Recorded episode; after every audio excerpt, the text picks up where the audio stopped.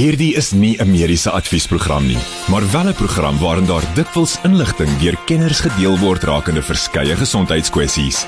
Vir persoonlike raad of advies, raadpleeg jou mediese dokter of sielkundige. Groot trauma met Pieter Kloete en dokter Jaco van die Kerk op Groot FM 90.5. Welkom by Groot Trauma. Ek is Pieter Kloete saam met dokter Jaco van die Kerk, direkteur van die van uh, Traumet 24 by Montana Hospitaal, ook sy eie praktyk daar in die noorde uh, in Montana. Uh, Jaco, lekker dat jy altyd hier so is. Goeienaand Pieter, goeienaand almal by die huis. Lekker om hier te wees. Jaco, uh, lyk my dat die Vrystaat, ons gekyk na so 'n paar nuus stories wat nuus gemaak het en ek wil graag hoor 'n bietjie wat is jou opinie daaroor. Die Vrystaat berei nou voor op die toepassing van die NGV, maar ek dink ons is nog baie jare weg van die NGV. Ja, Pieter, ek dink vir ons almal in die in die in die mediese beroep is die NGV of die nasionale gesondheids ehm um, versekeringsbeginsel eintlik 'n vloekwoord. Ehm um, die Vrystaatse Gesondheidsdepartement ehm um, het dan nou gesê hulle wil hulle in die boekjare tussen 2023 en 2027 en dit is al weer 5 jaar, né? Voorberei op die ehm um, inwerkingstelling van nasionale gesondheidsversekering in die Vrystaat. En dis Dinsdag dan nou deur die LER vir gesondheid in die Vrystaat gesê op 'n uh, uh, gesondheidsbegrotingsdebat en uh, wat in Putarichaba en Kwakwa gehou is. So hulle sê die departement se begroting vir 2023 en 2024 is 12.759 miljard rand. Um nou Vrystaat se klein departement of 'n klein provinsie eintlik en ek dink ook een van die van die minder gegoede in terme van finansiële provinsies um wat 'n massiewe bedrag is om om net daaraan te dink. Um sy het op op daai daai gesprek gesê of die debat gesê um dat hulle gaan toespits op 15 verpligtinge van die departement in die volgende 5 jaar. Daar's nie net 15 verpligtinge om 'n staatshospitaal of 'n hele gesondheidstelsel daar te stel nie. Um die hele ding is hulle wil 'n die verbetering van primêre gesondheidsorgdienste daai Nou primêre gesondheidsorgdienste soos klinieke en basiese hospitale, as jy begin kyk na na 'n bietjie meer gevorderde medikasie en ehm um, sekondêre en tersiêre um, behandeling wat dan nou chirurgie insluit, dis waar die groot die groot probleme lê, dis waar die groot waglyste lê. So hoekom spits jy jou almekaar toe net op die primêre gesondheid ehm um, jy weet voorkoming van geboortes en en primêre gesondheidsorg soos soos soos, net klinieksorg hmm. maar jou sekondêre en tersiêre um siektes en en en probleme word nie aangespreek nie. Um hulle praat van massiewe bedrae as jy nou gaan kyk, hulle wil oor die 332 miljoen gebruik vir administrasie alleen. 5.5 miljard vir distriksgesondheidsdienste. Um dis regtig, hulle sê die departement is bemoedig deur die spesiale ondersoekeenheid uh se proklamasie wat deur president Cyril Ramaphosa onderteken is uh vir ondersoeke vir mediese eise ook nou. So nou begin dit ook dat hulle sê en hulle beweer dat hulle meer aanspreeklik gehou gaan kan word um medies geregtelik. Nou dan gaan daai daai hele begroting dink ek nie groot genoeg wees. ja. As mens gaan kyk na die moeder en baba sterfte syfer wat tans in ons land gebeur nie. Um hulle het ongelooflike mooi drome en ek hoop regtig waar van daai drome gaan bewaarheid word. Um hulle wil graag, jy weet, goed sê soos hulle wil die lewensverwagting van die gemiddelde Suid-Afrikaner na 70 verhoog, siekte toestande verminder, die baba sterftes verminder tot minder as 20 per 1000 geboortes. Hulle wil ehm um, in kinders jonger as 5 jaar ehm um, hulle wil geboortes beperk en hulle wil die mense onder 20 HIV vryhou. Jy weet dis dis dis groot beloftes of groot drome en ek hoop 'n groot deel daarvan word waar. Maar ek moet sê ek dink ehm um, dis elke jaar praat ons hier oor en elke jaar word die begroting met nog 5 jaar aangeskuif. Hmm. Ek dink toe ek 'n uh, intern was dit al oor nasionale gesondheid ehm um, versekerings begin praat en um, ek is nou al 20 jaar in praktyk en is nog steeds nie daar nie. So ek weet nie hoe hoe ons daar gaan kom nie. En dan 'n mylpaal vir vereniging uh die Sebokeng ehm um, hospitaal daar het hulle eerste breinoperasie gedoen. Ja, die Sebokeng hospitaal en vereniging is nou 40 jaar oud en het nou 'n nuwe departement van neurochirurgie ehm um, begin. Daar's twee operasies gedoen onlangs. Ehm um, alhoewel dit net dreinasie van bloedings is. Nou meeste ouens gaan gaan vir jou sê um, ek dink dis die mees algemene uh operasie wat neurochirurge in die in die in die staatssektor doen is die drainasie van epidurale en subdurale bloedings of breinbloedings. Ehm um, maar dit is so dat twee pasiënte geopereer is daar suksesvol en on, ontslaan is en ek dink dit is 'n goeie mylpaal. Ek is baie bly um, vir die feit dat hulle wel daar so diens het. In neurochirurgie is maar 'n groot probleem omdat dit so baie beperkte hoeveelheid persone is wat dit wat dit praktiseer. En ek dink veral vir 'n staatshospitaal is dit definitief 'n goeie 'n goeie nuus storie eintlik aan die hmm. einde van die dag. Al is dit net 'n 'n bloeding en nie 'n massiewe tumor of 'n baie komplekse ding nie, um is dit nog steeds um 'n regte mylpaal dink ek vir hulle. Ons net hier nou weer terug. Groot trauma op Groot FM 90.5. Ek en Jaco kyk dan so 'n paar nuus stories en ons hoor ook 'n bietjie van dokter Jaco van die kerk se opinie daar rondom.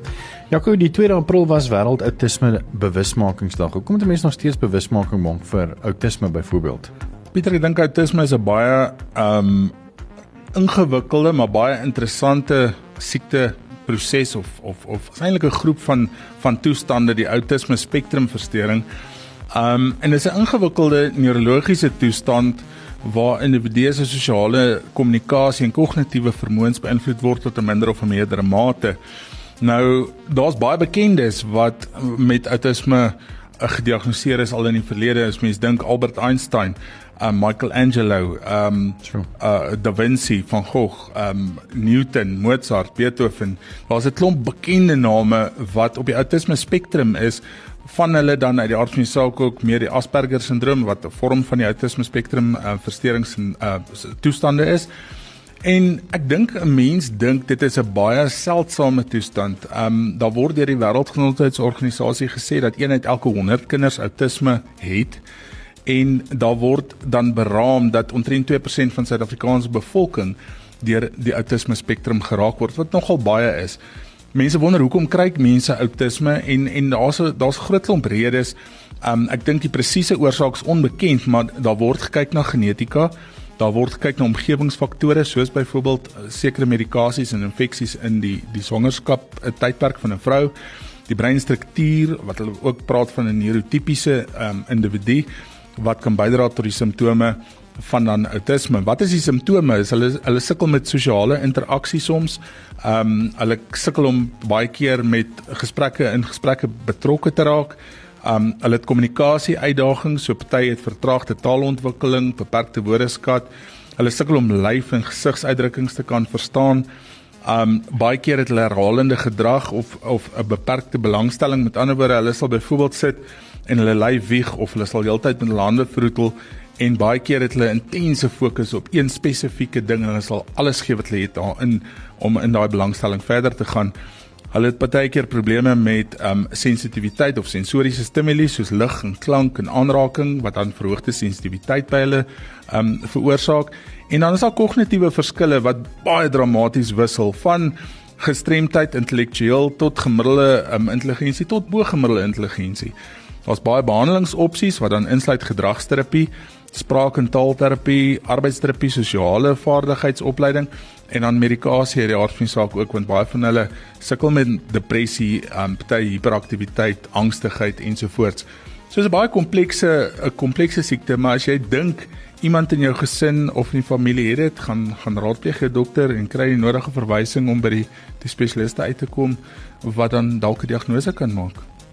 Inskakel ons gaan 'n bietjie net hier nagesels met uh, Dr. Willem Erasmus, hy's lid van die Suid-Afrikaanse Vereniging van Psigiaters, bietjie oor selfskending en dan bietjie later die twee broers uh, Rolando en Gertio Ferreira bietjie kon gesels oor hulle toep wat hulle ontwikkel het en hulle is leerders van Hoërskool Waterkloof se bly gerus ingeskakel daarvoor. Onthou kan die einde van die program as jy enige mediese vrae het, is jy meer as welkom vir Jaco uh, WhatsApp te stuur in ons ateljee. Enige vrae net hoef ook nie met ons onderwerp te doen te of te doen gehad het nie. Jy kan ons eh, WhatsApp by 061 6104576 onthou standaard dat dit begeld. Met die volgende program bo Groot FM 90.5 om jou as luisteraar met die nodige inligting oor 'n spesifieke onderwerp te voorsien. Alhoewel hierdie inligting dikwels deur 'n kenner op die gebied gedeel word, word jy aangemoedig om jou mediese dokter of sielkundige te besoek vir persoonlike advies of raad. Groot trauma op Groot FM 90.5.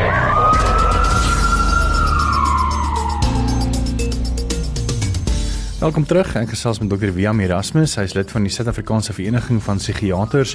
En ons gaan vanaand 'n bietjie praat oor die woord selfskending en uh, die dokter gaan ook nou vir ons vertel wat dit is en die meer. Maar dit lyk vir my dit kom ook van 'n studie wat by wat deur UNICEF gedoen is um, in 2021 wat bevind het dat meer as 65% van Suid-Afrikaanse jong mense het al op uh, enige of 'n vorm van van mental health issues um, al gehad en nie hulp gaan soek nie. So ons gaan 'n bietjie later ook gesels met die twee broers Philando en Gerteo Ferreira.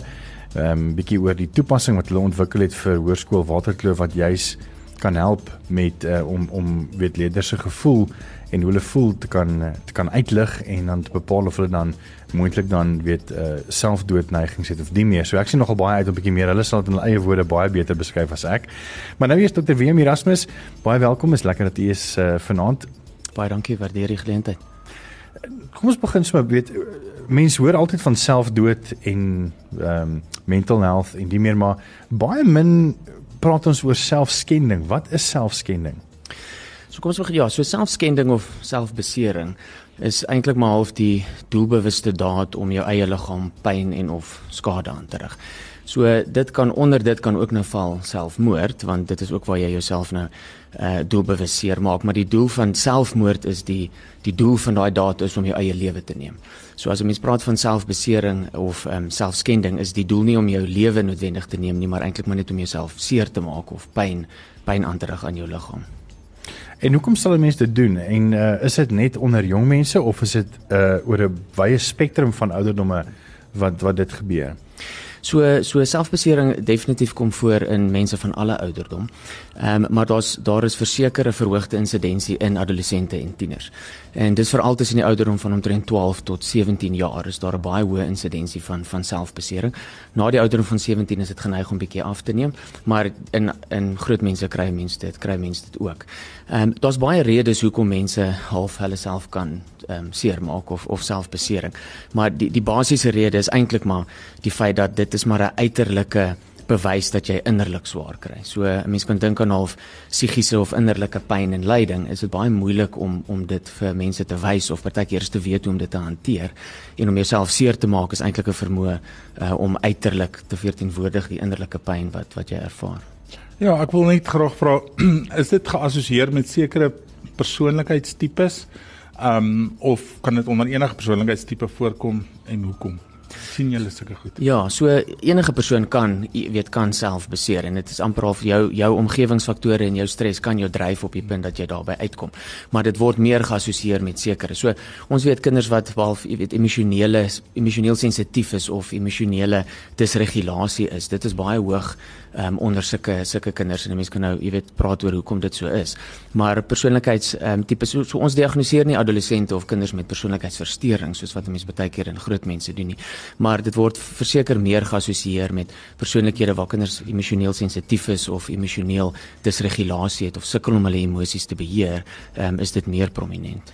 Dan nog nie nog gevra vir my. Nee, ons sien baie keer in ongevalle die mense wat hulle self nou sny en ek dink seker maar die algemeenste een, maar mense wat hulle self brand of krap of jy weet op enige hmm. ander manier beseer. En dit is 'n baie moeilike plek om daaroor te praat want dis nie eintlik die plek om daaroor te praat nie. Daar's geen privaatheid nie. Jy weet, jy's daar, jy spyt dood, jy maak skoon, jy werk toe, daar gaan jy. Ehm um, en en ek dink dis 'n dis 'n plek waar ons dalk in medisyne tekort skiet. Maar is daar 'n manier wat jy kan aandink of hoe ons as noodmedisyne praktisyns kan help om daai mense by iemand te kry want hulle wil nie met ons praat nie. Jy wil nie jy wil nie in ongeval sit en praat oor sulke goed nie. Ja. Ja, so dis regtig nogal belangrik. Ek dink dit is baie bekend dat ehm um, jy weet kinders, tieners wat self beseer, jy weet wil nie daaroor praat nie. Hmm. Hulle steek dit ongelooflik goed weg. En dis hoekom ouers ook baie keer geskok is as hulle skielik agterkom, jy weet hulle kind maak hulle self seer. Hmm. Ehm um, ek dink die belangrike ding is om agter te kom dat dit daar is onderliggend probleme en en die kind sukkel op 'n manier onderliggend. En ek dink as 'n kind voel dat weet jy hulle kan gemaklik eintlik hier oor praat. Ouers voel baie keer seer gemaak dat hulle die tieners wil nie met hulle ouers daaroor praat nie, maar dit is eintlik maar redelik algemeen. Nee, jy weet daar's verskillende redes hoekom hulle nie met hulle ouers wil praat nie. En hulle kry baie keer skaam oor die feit dat hulle hulle self seermaak. So jy wil maar so 'n persoon by 'n professionele uh jy weet opgeleide persoon kry wat hulle kan help en dit is maar sielkundiges of mense met 'n belangstelling, jy weet dokters in in sielkunde en dan natuurlik psigiaters. So ek dink baie keer is om maar net uh dit te erken om om om nie net te sê jy weet o jy het nou hierdie fisiese sny en so en ons het dit nou toegemaak en so nie, maar maar om bietjie net te noem dat jy weet ek ek ek kan sien dat jy dalk sukkel met met ander probleme en en dat hierdie dalk 'n manier is om te, hoe jy uh, half hanteer hierdie probleme wat jy het en kan ons dalk vir jou die nommer gee of dat jy met iemand gaan praat. Ehm um, jy weet wat jou kan help hier. So ek dink as ons net jy weet vir hulle wys dat ons verstaan en dat dit nie 'n manier is om aandag te soek of net om uh, jy weet uh, uh, lelik te wees of sulke tipe goed nie, maar dat ons regtig verstaan hulle sukkel en en dan maak kinders gewoonlik oop as hulle sien dat ons hulle wil help. So dit vir mediese mite minuut.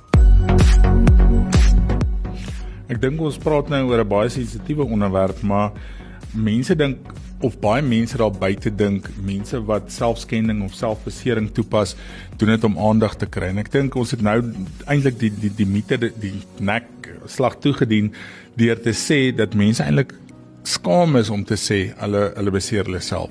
So dis nie so dat almal net um aandag soek wat hulle self beseer nie. Mense moet die dieper oorsaak gaan soek. Groot trauma met Pieter Kloete en dokter Jaco van die Kerk op Groot FM 90.5.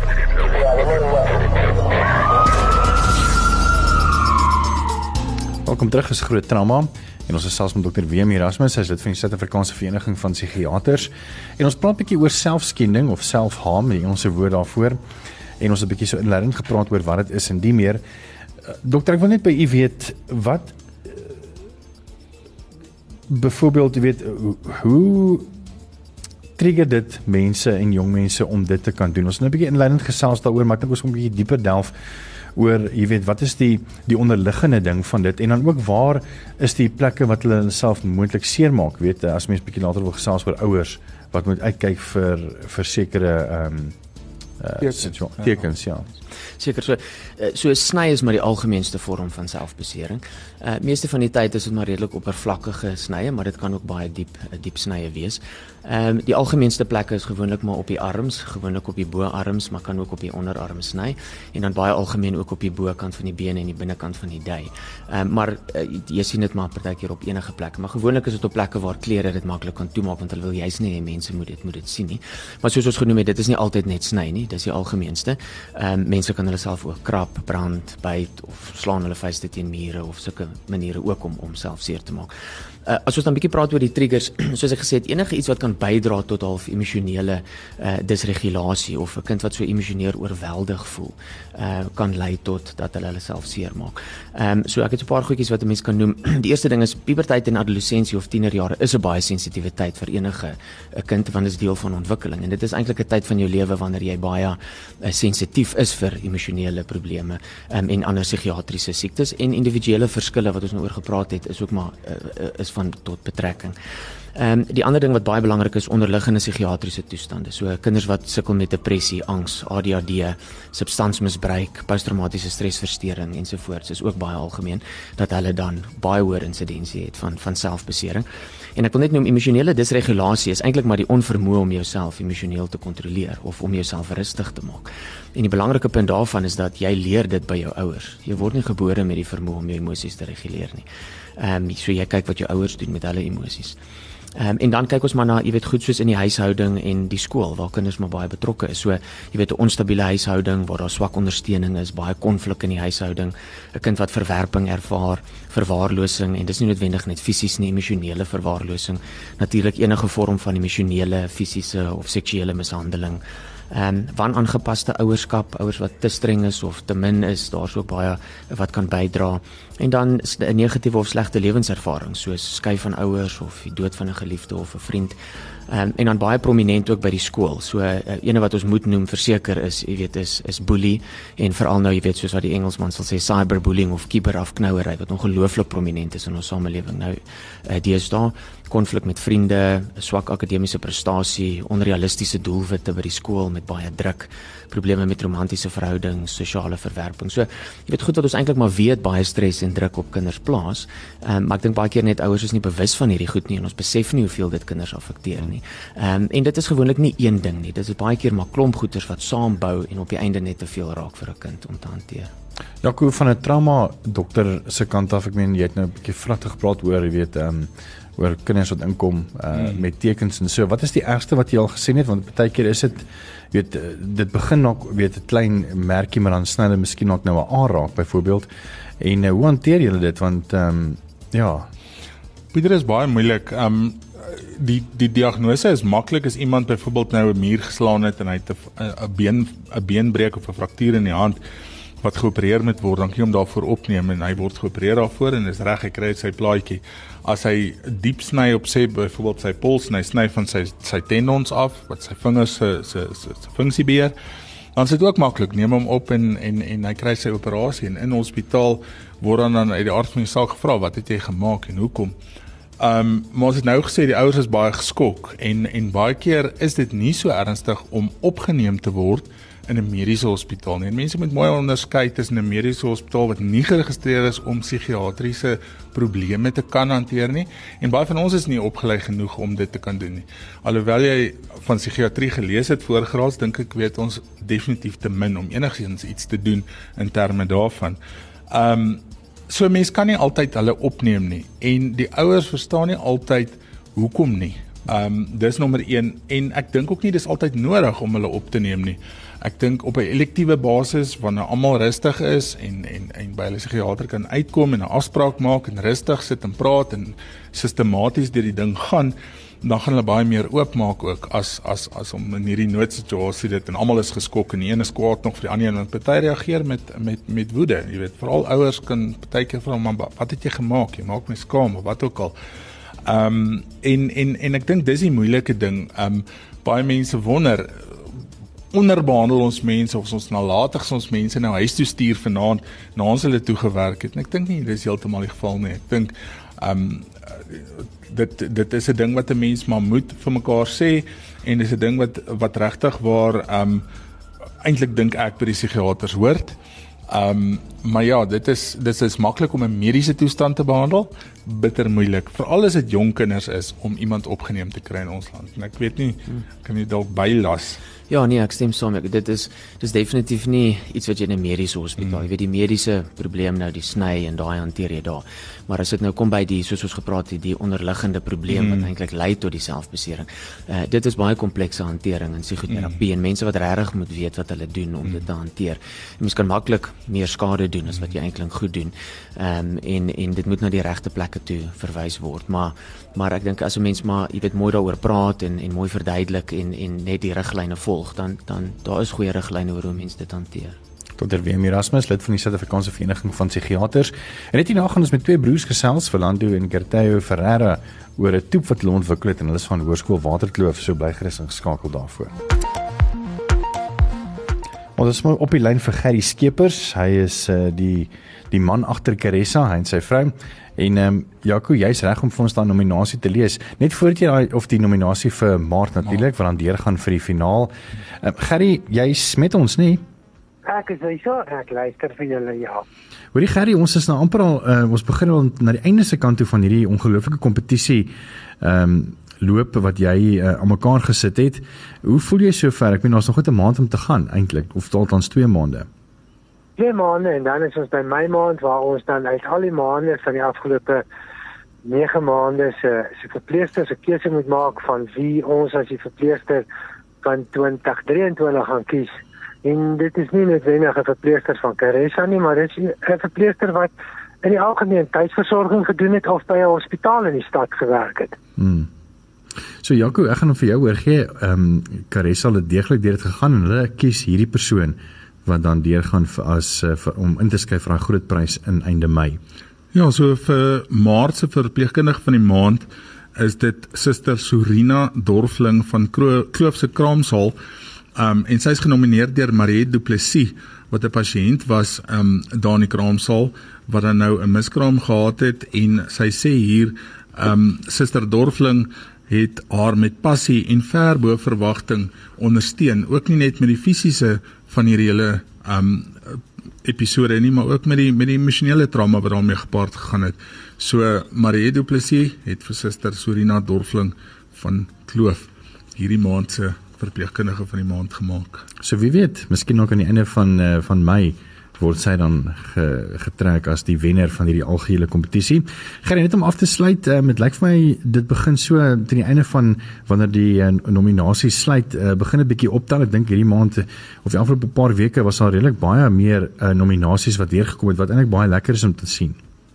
Ja, en wat vir my interessant was is dat ehm um, die die manier waarop hulle die mense genomineer het bietjie meer intensief geraak het. Dit is nou asof hulle so hier aan die einde van die jaar ehm um, bietjie meer besef waaroor dit gaan. Hmm. Wat ek weet daar is ook baie kom ander ehm um, plekke wat 'n verpleegster van die jaar gaan aanwys en en en en, en vir ons in spesiaal ons het so al gesê oor hoekom ons hierdie mense aanbied en dit is van die pasiënte self wat hulle verwys word en dit is altyd belangrik dat die pasiënte self die mense moet aanbeveel en ek glo dat daai ehm um, terugvoer goeie betekenis het en en en en, en die vir die verpleegkundiges wys wat se eer het eintlik die familie en die pasiënte en die breë publiek vir die werk wat hulle doen.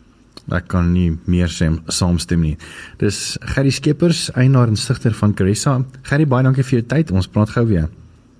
Baie dankie en geniet die aand verder.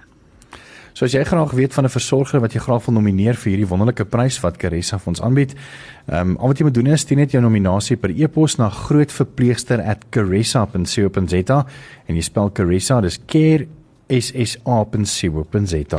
Groot trauma met Pieter Kloete en dokter Jaco van die Kerk op Groot FM 90.5.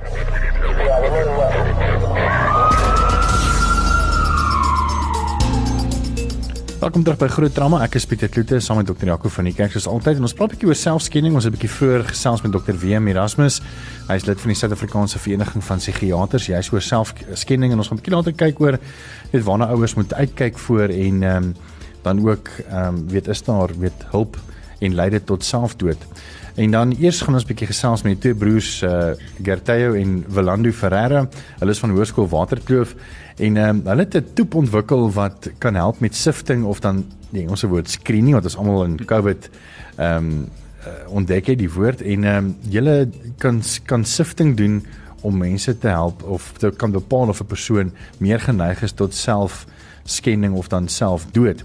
Maar net gou vinnig 'n bietjie meer oor julle self, ek weet julle is twee boeties. Ehm um, hoe het dit gekom dat julle juis op hierdie projek wil fokus want ek meen julle het ingeskryf vir 'n expo, nê?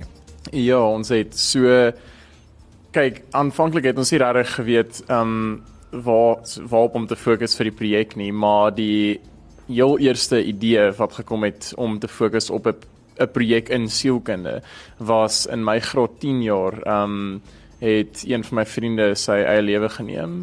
So ek dink rondom daai tyd wat ons almal wat net deur ons koppe gegaan het is wat kan ons gedoen het om te help of wat kan ons vroeër raak gesien het om te keer dat dit gebeur. Hmm. En tydens Covid moes ons elke dag voor skool 'n uh, vraelys invul om vir die skool te sê jy koers of hoe jy of het jy loop nie is en dit ons gedink as daar so 'n tipe siftingsinstrument is wat um, vir die skool kon sê of jy fisies gesond is, uh is dit dalk moontlik om so 'n tipe instrument te ontwikkel om vir die skoolsielkundige te sê of jy um emosioneel gesond is en hoe jou geestestoestand is. En dis nogal baie belangrik. Jy weet ons weet baie van die skole het so ge uh, gefokus op die uh, prosedures van COVID-19 dat hulle eintlik maar vergeet het van die mm. die sielkundige welstand van die leerders ook. So hoe het dit nou gekom dat julle want ek meen julle is nou nie sielkundiges of psigiaters nie. Weet uh, hoe hoe het julle die die die toep benader bedoelende met watse vrae om te vra en sulke goeders moes julle uh, natuurlik gaan aanklop het by groot geleerdes om om hierdie goed vir uit te werk. So uh, ons het by die begin van die projek het ons deur bestaande literatuur gewerk. So ons het net gekyk na bestaande vraelyste en bestaande hulpmiddels wat sielkundiges gebruik vir wanneer die kind klaar by hulle is om te kan sien wat is dalk tekens vir depressie, angs of 'n neiging tot selfdood of selfskending. Maar nie net dit nie, ons het in die DSM-5 gaan kyk na wat hulle kriteria is vir 'n volwaardige diagnose van tienerdepressie en angs en finaal het ons met opvoedkundige sielkundiges gaan praat wat nou in skole werk om vir hulle te sê wat is wat sien julle as tekens wat dadelik vir jou kan sê of 'n kind sukkel met sy geestesgesondheid. En hoe was die toetsloop? Want ek meen nou het julle hierdie hierdie idee, julle het nou met 'n paar bekendes gepraat, julle het die vrae, maar nou het julle nog nie 'n app nie.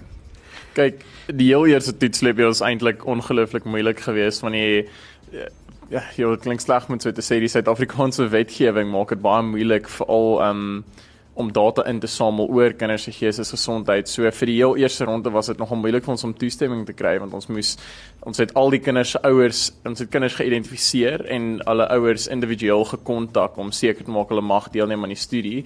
Um vir die heel eerste toetsloopie was daar 23 kinders wat deelgeneem het en ons het 'n uh, webwerf gebruik wat al klaar beskikbaar is. Um die platform se naam is Qualtrics gewees en ons het toe een van die um eksterne opvoedkundige sielkundiges waarmee ons 'n onderhoud gevoer het gevra of hy sal kyk na die resultate as die stelsel enigiemand flag. Ons sê nou maar flag as die stelsel 'n kind identifiseer wat dalk hulp nodig het. En hy het gesê um, dit is regtig positief. Hy het gedink dit kan regtig 'n groot impak maak as dit geïmplementeer word na die eerste toetsloop. Hy het gesê hy het met die kinders in kontak gekom wat die stelsel geflag het. Hy het wel vir ons baie waardevolle terugvoer gegee dat hy gedink hierdie instrument is te sensitief gewees die eerste ronde wat hy 'n paar kinders opgetel het wat hy nie noodwendig gedink het die stelsel moes opgetel het nie.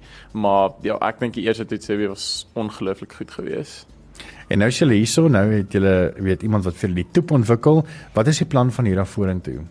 So ek ons het weer môre 'n vergadering met die IT company wat ons gehelp het. Sy is verskriklik dankbaar vir hulle Segametsi Hope expertise. Hulle het aangebied om ons te help met die ontwikkeling van die toep. En ons groot planne eintlik is, is ons wil nie stop by hoërskoolstudente nie want dit is nie net tieners wat kan sukkel met hulle geestesgesondheid en met depressie en angs nie. So ons wil graag in die toekoms of dit nou volgende jaar of enige tyd is vir ons dit uitbrei na werksplekke toe, na onderwysers toe, na studente toe, na laerskole toe en ons het ook 'n aanvraag gekry by atletiekspanne wat ook dit sou wou gebruik om seker te maak dat die atlete reg is vir hulle volgende kompetisie of hulle volgende wedloop dat hulle net reg is in hulle kop dat hulle nie stres nie en dat hulle trots is. Net om af te sluit, ons tyd hardloop uit. Ehm um, so nou het die skole die toep en uh, leerders word dan aangemoedig om hierdie toep te gebruik. Wat gebeur um, as as 'n skool byvoorbeeld die toep dan aanwend volgens hulle, weet, is dit dan spesifiek tot daai spesifieke skool? Uh ek meen as iemand nou gevlek word wat byvoorbeeld by 'n ander skool is, maar dieselfde toep gebruik het of hoe gaan dit werk?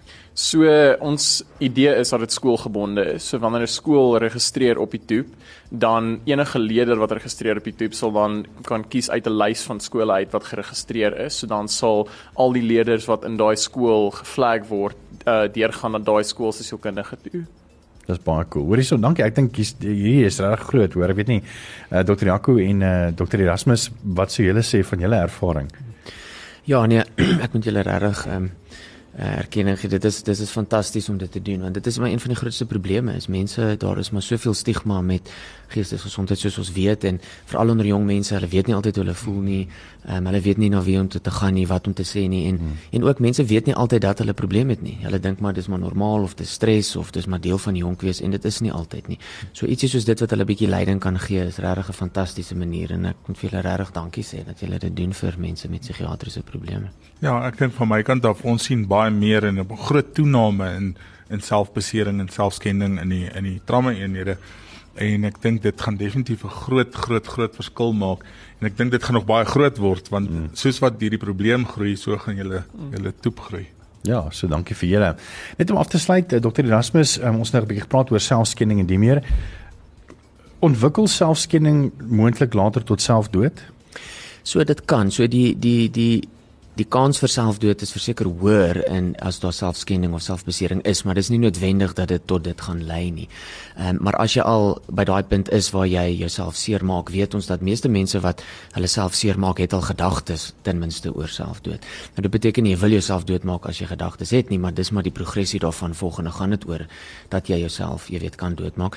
En ongelukkig gebeur dit ook partykeer dat jy jouself seermaak, nie met die doel om jouself dood te maak nie, maar ongelukkig dit te ver gevat en uh, as 'n mens amper kan sê jy weet jy het dit nie bedoel nie, maar maar éventueel jouself doodgemaak het. So so dit is verseker 'n groot risikofaktor vir vir verdere probleme. Nou dis dit vir Frans program. Uh, weer eens baie dankie vir Dr. Willem Erasmus. Hy's lid van die Suid-Afrikaanse Vereniging van Psigiaters en uh, is jy betrokke by 'n praktyk of het jy net jou eie praktyk uh, dokter? Ja, so ek is in privaat praktyk, maar ek's by 'n hospitaalgroep by Swavelstroom Kliniekie, psigiatriese hospitaal. So ons is maar 'n groot groep vir dokters wat daar saamwerk. Maar laastens kan ek net vir mense sê as jy as mense sukkel, onthou altyd die Suid-Afrikaanse depressie en angsgroep wat 'n wat basies maar 'n hulplyn het wat jy altyd kan kontak om verder hulp voor te kry. Ja, sandag.org org.za as jy dit wil besoek. Dankie ook vir ons twee broers, eh uh, Velando en ehm um, Gerteo. Eh uh, Ferreira. Ek was nou eers geweet, weet jy julle name is dan maar baie luxe, jy weet. ek het nou net so gedink. ja, Velando en Gerteo Ferreira van Hoërskool Waterkloof en ek dink hierdie gaan regtig internasionaal sukses behaal. So knap gedaan vir julle twee blink breine eh uh, wat dit dan kon doen. Groot trauma met Pieter Kloete en dokter Jaco van die Kerk op Groot FM 90.5.